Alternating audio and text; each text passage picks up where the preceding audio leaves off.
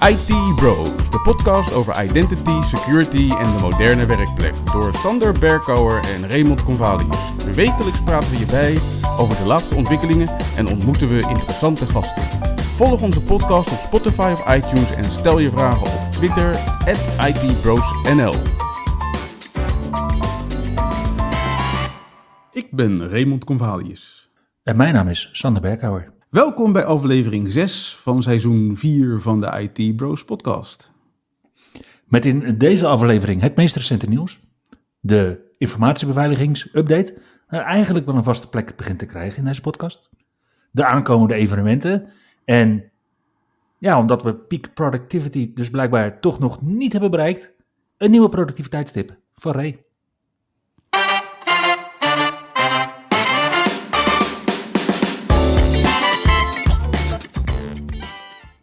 Ja, Windows 11 nieuws denk ik, of niet? Een heel, heel, heel klein beetje. De afgelopen week was het rustig vanuit het Windows Insider Channel. Er kwam een nieuwe beeld in het beta channel uit. Beeld nummer 22.635.3139. Die bevatte eigenlijk alleen maar een aantal fixes, waarbij ze onder andere de betrouwbaarheid van de Task Manager hebben verbeterd en een crash van dwm.exe hebben opgelost.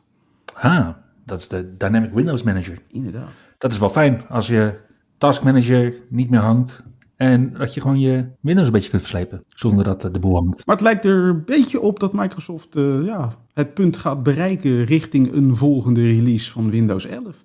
En dat blijkt ook wel, want de eerste verwijzing naar Windows 11 versie 24H2 is inmiddels verschenen op Microsoft Learn. Oké. Okay. Dat is in een artikel dat gaat over de functie enum device drivers, een van de nieuwe functionaliteiten in Windows 11. Mm -hmm. En ja, vooralsnog is Windows 11 24H2 is iets wat we voorzien ergens in september of oktober van dit jaar vermoedelijk.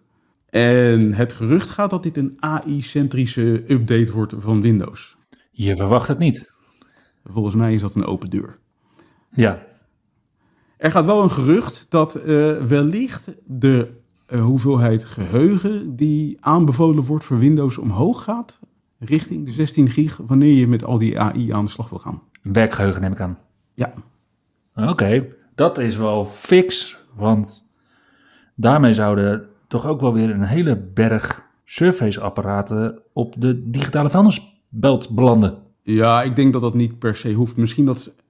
Ik, ik vermoed dat ze het als volgt gaan doen: dat ze zeggen van nou. Als je al apparatuur hebt die daar niet aan voldoet, dan uh, uh, doe dan maar niet die AI-functionaliteit. Maar dan kun je wel gewoon Windows blijven gebruiken.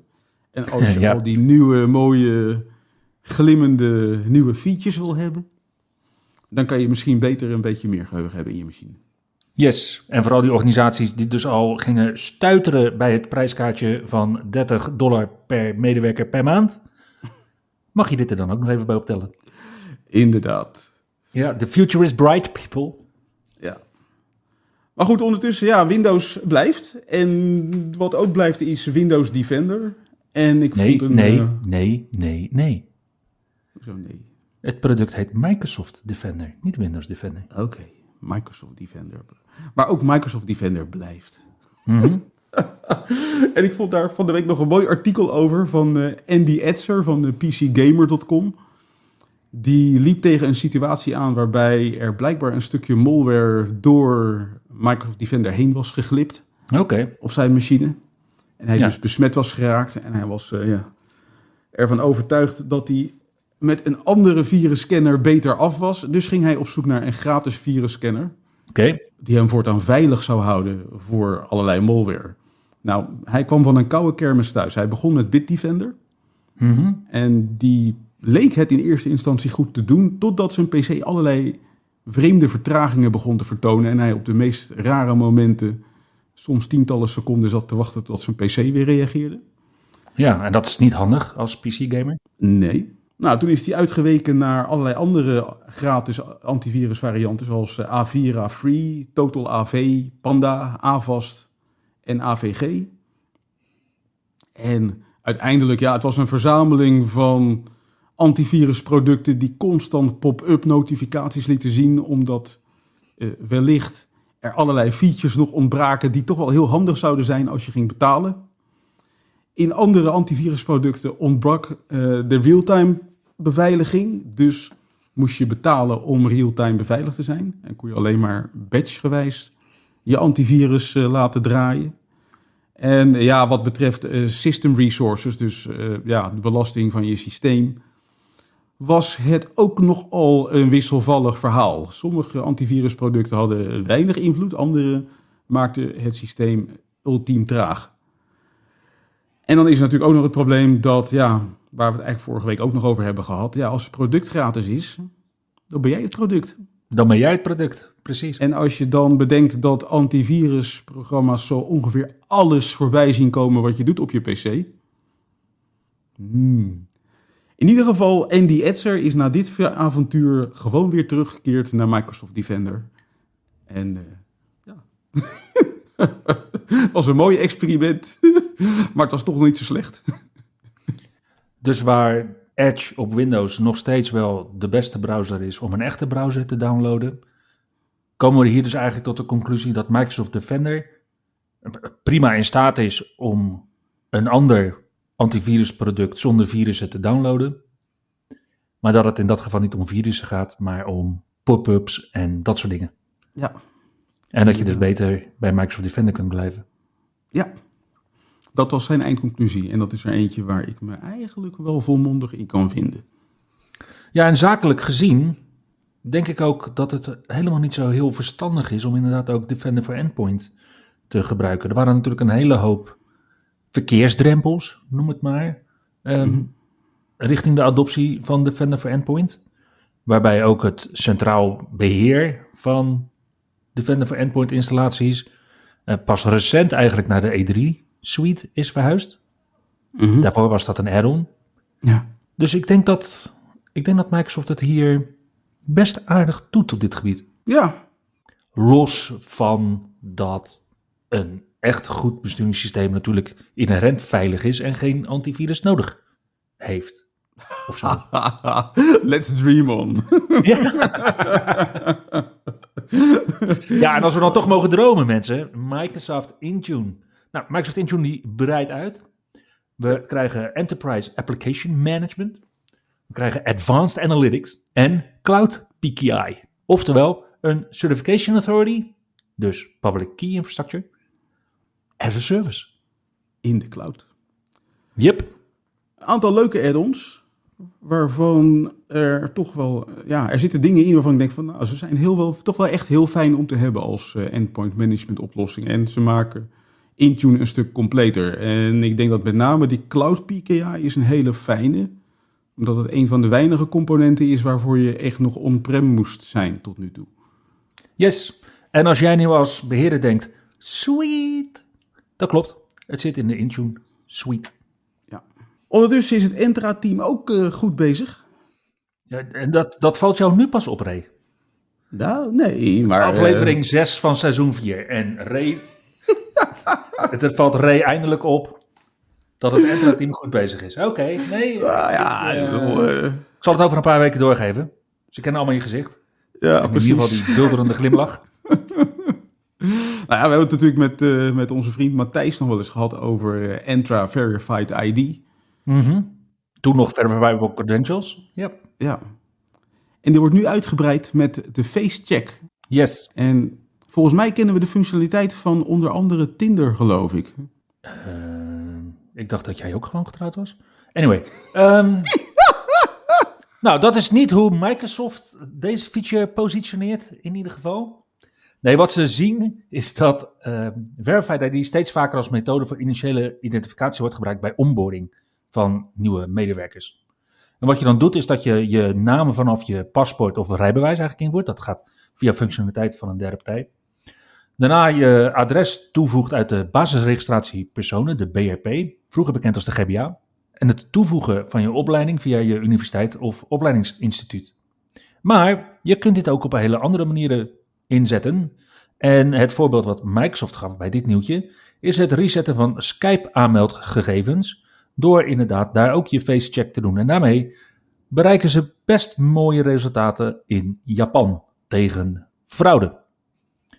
Nou, die additionele face check, die kun je dus ook inzetten eh, bij je onboarding. En dat kan dan bijvoorbeeld tegen een paspoort of rijbewijs, maar ook tegen bijvoorbeeld de profielfoto die je hebt ingesteld in je Entra-ID-account. En het percentage kan door de organisatie worden bepaald. Dus als je heel veel mensen hebt die deze check niet kunnen voldoen, omdat jij hem op, weet ik wat, 97% hebt staan, dan kun je hem inderdaad ook wat omlaag zetten. Oké. En ik denk dat dat bij Microsoft nog wel eens een, eh, een dingetje kan zijn, want ja, ze hebben een paar jaar geleden natuurlijk wel iedereen nieuwe Blue Badges gegeven. Maar de oude Blue Badges, daar stond altijd een foto op, echt van het begin van je tijd bij Microsoft. Probeer dat maar eens met eh, wat zekerheid te bevestigen. Tja. Maar ik denk dat deze functionaliteit toch wel heel erg welkom is. Ik, bedoel, ik heb hiervoor bij een organisatie gewerkt die gebruikte inderdaad zeg maar Skype als methode om de identiteit bevestigd te krijgen. Dan moest je dus een Skype call opzetten naar de service desk om je te identificeren en je gezicht te laten zien. Oké. En als ik dit zo hoor, dan zou dit kunnen dienen als een geautomatiseerde wijze om hetzelfde te bereiken. Ja. Ja, en natuurlijk niet alleen onboarden, maar inderdaad ook eh, het resetten van je aanmeldgegevens en bijvoorbeeld ook het uh, offboarden. Ja, very nice. Ondertussen is Microsoft ook op andere platformen bezig. En dat heeft zich onder andere geuit in Microsoft Apps voor Apple Vision Pro. De Apple Vision Pro Mm. wordt sinds een week of twee, geloof ik, geleverd in de Verenigde Staten. Klopt. Ik heb al wat eh, filmpjes voorbij zien komen van mensen die zich ofwel op straat begeven met een Apple Vision Pro of zelfs achter het stuur. Ja, van een Tesla. Yep. Daar zal ik niemand aanbevelen. En, De, de, de lijst is nog niet lang genoeg voor Vision Pro, eh, eh, waar, je, waar je doorheen moet lezen op het moment dat we hem dadelijk hier in Nederland wellicht kunnen kopen. Dan staan daar inderdaad allerlei dingen als stop je kat niet in een magnetron, maar dus ook, ja, zet je Apple Vision Pro niet op als je aan het autorijden bent. Ja, inderdaad. In ieder geval, Teams, Word, Excel, PowerPoint, Outlook, OneNote en Loop zijn nu beschikbaar voor de Apple Vision Pro. En Mhm. niet gewoon beschikbaar als zeg maar, de standaard app zoals we ze altijd al kennen op onze telefoon of op onze PC. Maar ook gewoon voorzien van speciale functies. Zodat je bijvoorbeeld je PowerPoint-presentatie kan gaan oefenen voor virtueel publiek. En de optie knijp en sleep als je data uit Excel wil verhuizen naar een andere applicatie. Of wat dacht je van avatars voor in je Teams-sessie? Ook niet knijpen en slepen in Teams. Dat ook, oh, nee, ik, eh, dan, en misschien moet ik het artikel dan toch nog een keer, eh, dat mag nog steeds niet, nee, dat doen we nog steeds niet. Eh, Nee. Hey, en dat virtueel publiek, ja, weet je, wij, wij presenteren natuurlijk al een tijdje, samen ook. Ja. Maar een van de tips die wij altijd kregen, als je nerveus bent, dat je dan inderdaad je publiek in ondergoed eh, visualiseert. Ik denk niet dat die functionaliteit in de PowerPoint voor de Apple Vision Pro zit. Nee, ik denk ook niet dat Microsoft dat als leverancier zou gaan bieden richting de Vision Pro. Maar het zou zomaar een, eh, ja, een spreekwoordelijk, maar misschien ook fysiek, gat in de markt kunnen zijn. Ja, ja, ja, inderdaad. Ja, dan is de vraag eh, wie, eh, wie het spits afbijt. Ja. Goed, het is niet alleen Microsoft die bezig is met apps natuurlijk voor de Apple Vision Pro. Ook Zoom heeft gezegd dat ze binnenkort komen met een versie voor de Vision Pro. En ook die hebben gezegd dat ze avatars gaan bieden voor die Vision Pro, voor hun applicatie. Ja, heb ik nog één vraag. Vertel. Met of zonder benen? Geen idee. Goeie vraag. Ja, elke keer als het over avatars gaat in Teams, blijf ik deze vraag houden. Krijgen we nu wel of niet benen voor avatars? In Teams krijgen we geen benen. Daar kun je vanuit gaan. In Zoom weet ik het niet. Want stel je voor dat je uit een Teams meeting kunt wegrennen. Kan nog steeds, maar zonder benen. Precies. ja, kijk man, zonder benen. Niet alleen voor de Apple Vision Pro, maar ook voor Android is Microsoft bezig met het ontwikkelen van software. En dat geldt onder andere voor Edge, want Edge krijgt extensies op Android. En daarvan zijn de eerste screenshots gelekt door Leo PVA64 op X. Oké.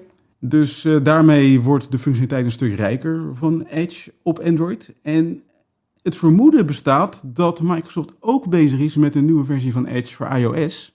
Ja, Ook met extensies. En dat is wel Ja. een beetje apart. Want in Safari gaat dat echt niet lukken. Althans, zoals nu Edge gebaseerd is op Safari. ja, maar dat kan ook niet langer. Vanwege de DMA is Microsoft straks niet meer gebonden aan Safari. En kunnen ze echt een eigen browser ontwikkelen voor op iOS. En in die ja, volledig nieuwe browser kunnen ze natuurlijk gewoon extensies gaan ondersteunen. Looking forward to it. Mhm. Als we dan toch met Android bezig zijn, laten we het dan ook gelijk hebben over Google Bard. Want Google Bard, de Google AI, gebruikt al het taalmodel Gemini en gaat nu ook Gemini heten.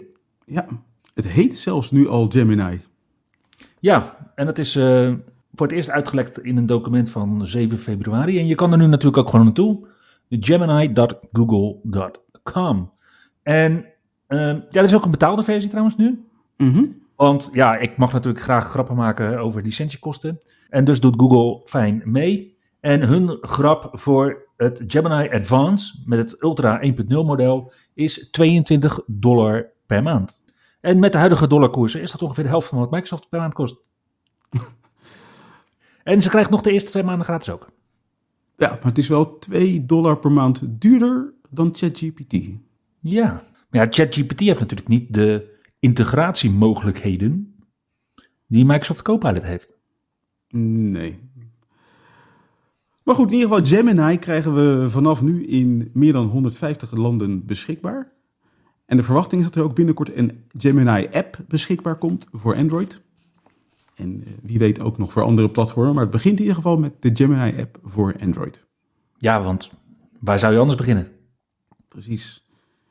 En voor Google bleef het niet bij Gemini als AI-engine. Maar ze gingen ook aan de slag met een image generator. Dus een plaatjesmaker met AI. Mhm. En die heet ImageFX. En met ImageFX kan je dus ja, eigen afbeeldingen laten genereren.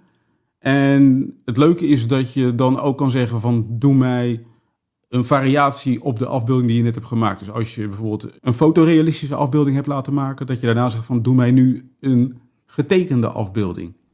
En dan kan ImageFX met die afbeelding aan de slag gaan om daar vervolgens inderdaad een tekening van te maken.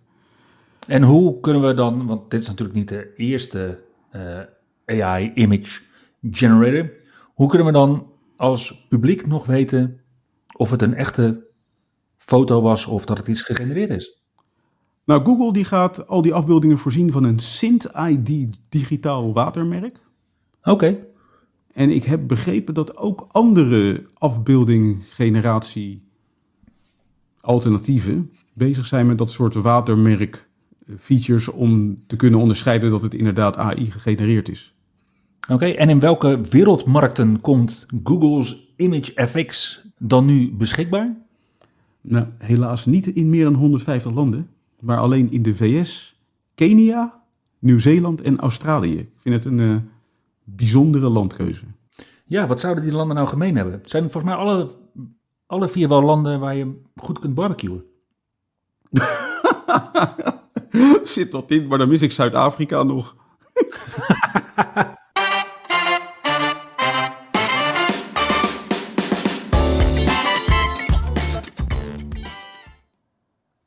In de informatiebeveiligingsupdate kijken we deze week naar drie items. En het eerste item gaat over de Claro Company, want zij zijn slachtoffer geworden van een ransomware aanval.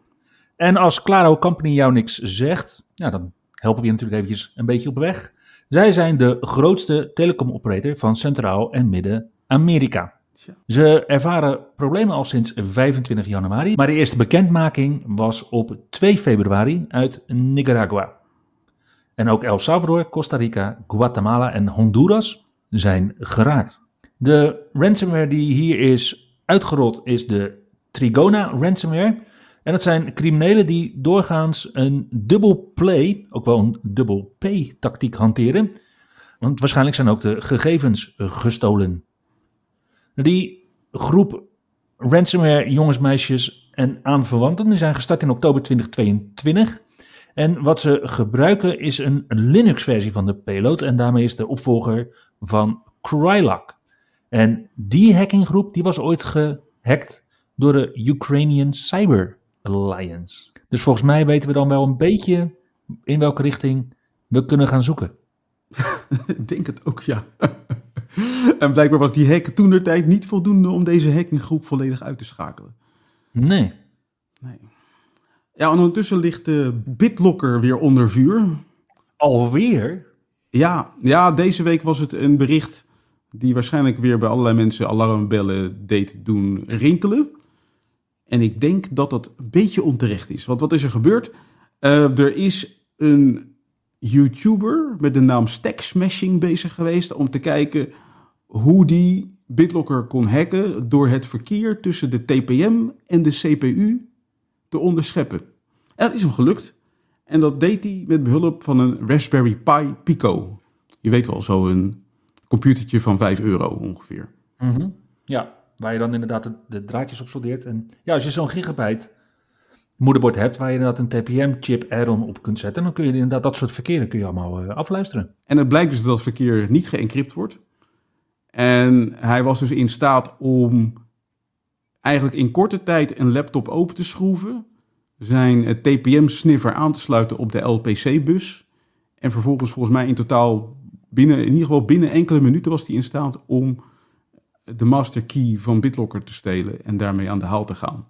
Nou, nu moet ik zeggen dat zo'n discrete TPM is toch wel iets uit de begintijden van de TPM. En vandaag de dag, als je een moderne processor koopt, zit die TPM in de processor en gaat deze mhm. techniek gewoon niet werken. Nee, maar we hebben het wel weer over BitLocker in de podcast. En dat is goed nieuws, want dat zorgt weer voor meer informatiebeveiligingsbewustzijn. Ja, inderdaad. Ja, en wat betreft informatiebeveiligingsbewustzijn kunnen ze bij Defensie volgens mij ook nog wel verbeteren. Er is altijd, er is altijd ruimte voor verbetering, waar dan ook. Ja, nou ja, goed, wat er nu weer is gebeurd. Uh, het schijnt dus dat het uh, Defensienetwerk is gehackt. Althans, een stukje Defensienetwerk is gehackt. En dit is gebeurd doordat uh, ja, vermoedelijk hackers uit China, zegt men, in staat zijn geweest om FortiGate-apparaten te hacken. En nu is dit ook nog gebeurd met behulp van een ja, bekende kritiek kwetsbaarheid. Waar Fortinet uh, sinds 12 december 2022 voor heeft gewaarschuwd. Nou, dat betekent dus dat blijkbaar deze FortiGate-apparaten in de loop van 2023 nog niet waren gepatcht. Mm En deze kwetsbaarheid, die trouwens bekend stond onder CVE 2022-42475, was ook nog eerst een zero day. Dus echt eentje die met allerlei alarmbellen gepaard bekend is gemaakt. Maar het heeft er dus niet toe geleid dat Defensie in staat is geweest om op tijd zijn FortiGate-apparaten te patchen en de mensen buiten de deur te houden. Dus ja, is er vorige week een uh, bekendmaking geweest dat uh, ja, Defensie gehackt is geweest. En als jij nou zou moeten aanwijzen hoe, dat, hoe zoiets kan gebeuren bij zo'n grote, complexe organisatie als Defensie, zou je dan naar de individuele mensen kijken of zou je dan eerder een aantal processen de schuld geven? Ik denk eerder aan een aantal processen. Zeker als je hoort dat met deze hack een apart stukje netwerk is gehackt geweest, wat dus niet direct gekoppeld was aan het grote netwerk van Defensie.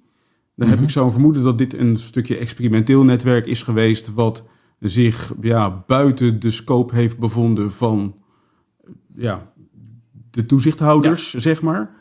Ja, waar monitoring en, en misschien vulnerability management niet op het niveau waren als de rest van de organisatie. Precies. Ja, dus eigenlijk een soort herhaling van zetten van wat we zagen hoe Microsoft de klos was. Ja, precies. Beetje een, eh, een rogue netwerkje. En dat is dan, uh, ja, de pineut. Ja, want aanvallers kijken niet naar het label wat op een omgeving zit. Productie, test, acceptatie en ontwikkelomgevingen zijn allemaal gewoon productieomgevingen voor kwaadwillenden.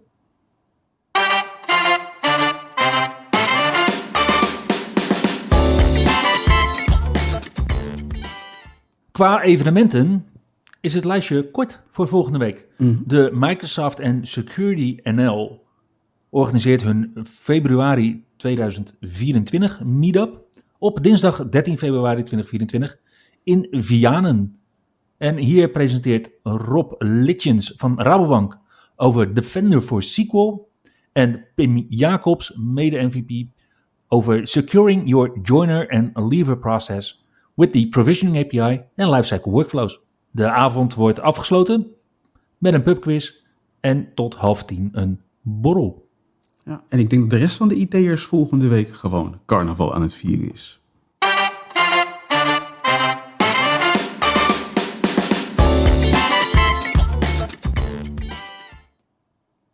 Hey Ray, wat is de productiviteitstip deze week? Nou, deze week was de release van Zoomit versie 8. Oké. En als je Zoomit niet kent, Zoomit is een bijzonder handige tool als je regelmatig dingen demonstreert vanaf een beeldscherm. En je wil inzoomen op wat er gebeurt op je scherm. Maar ook als je aantekeningen wil maken op je scherm. Of dingen wil onderstrepen of benadrukken met kleurtjes, vierkantjes, rondjes, driehoekjes, streepjes, etc. En Zoomit versie 8 heeft een nieuwe feature. En die nieuwe feature die heet Demo Type. En Demo Type is erg handig, denk ik, als je regelmatig demo's doet waarbij je dingen moet typen. Want wat kan je nou doen met Demo Type? Je kan tekst invoeren vanaf je clipboard of vanuit een tekstfile. En vervolgens kan je met Ctrl-7 kan je die tekst laten typen door Zoomit op je scherm. Oké. Waardoor het dus lijkt alsof je heel goed kan typen, zonder typfouten. En je zo je demo ja, vlotjes kan laten verlopen. Ja, heel even een ogenblikje, want ik word hier gebeld. Het is... eh, Oh, het is... Oh, hij stuurt al een berichtje. Het is Mark van Oorsouwen. En hij, eh, hij, hij wil zijn demo uit 2007 terug. Wat heeft hij gedaan toen? Ja, Mark... Dit is wel een verhaal uit de oude doos natuurlijk, maar... In 2006, 2007 organiseerde Microsoft een Speaker Talent wedstrijdje. En Mark van Oorsouw was daar een van de deelnemers. En Mark die was toen al heel erg bekend met PowerShell en had een PowerShell demo gemaakt waarin hij niet zelf typte, maar waarin ehm, PowerShell voor hem typte. 17 jaar geleden mensen. ja. En nu dus onderdeel van Zoomit versie 8. Yep, wellicht heeft Mark Krasinovich een video opgedoken waarin hij dat zag en dacht hij, dat is handig voor Zoomit. Tada mensen. En daarmee komen we aan het einde van aflevering 6 van seizoen 4 van de IT Bros podcast. Dankjewel voor het luisteren en tot volgende week. Tot de volgende keer. Je luisterde naar IT Bros, de wekelijkse podcast over identity, security en de moderne werkplek. Abonneer je op Spotify, iTunes of Google Podcast als je de volgende aflevering niet wilt missen. Heb je hints of tips? Laat dan van je horen op Twitter. @itbrosnl. Ja, en wie heeft die speaker contest toen eigenlijk gewonnen? Hmm.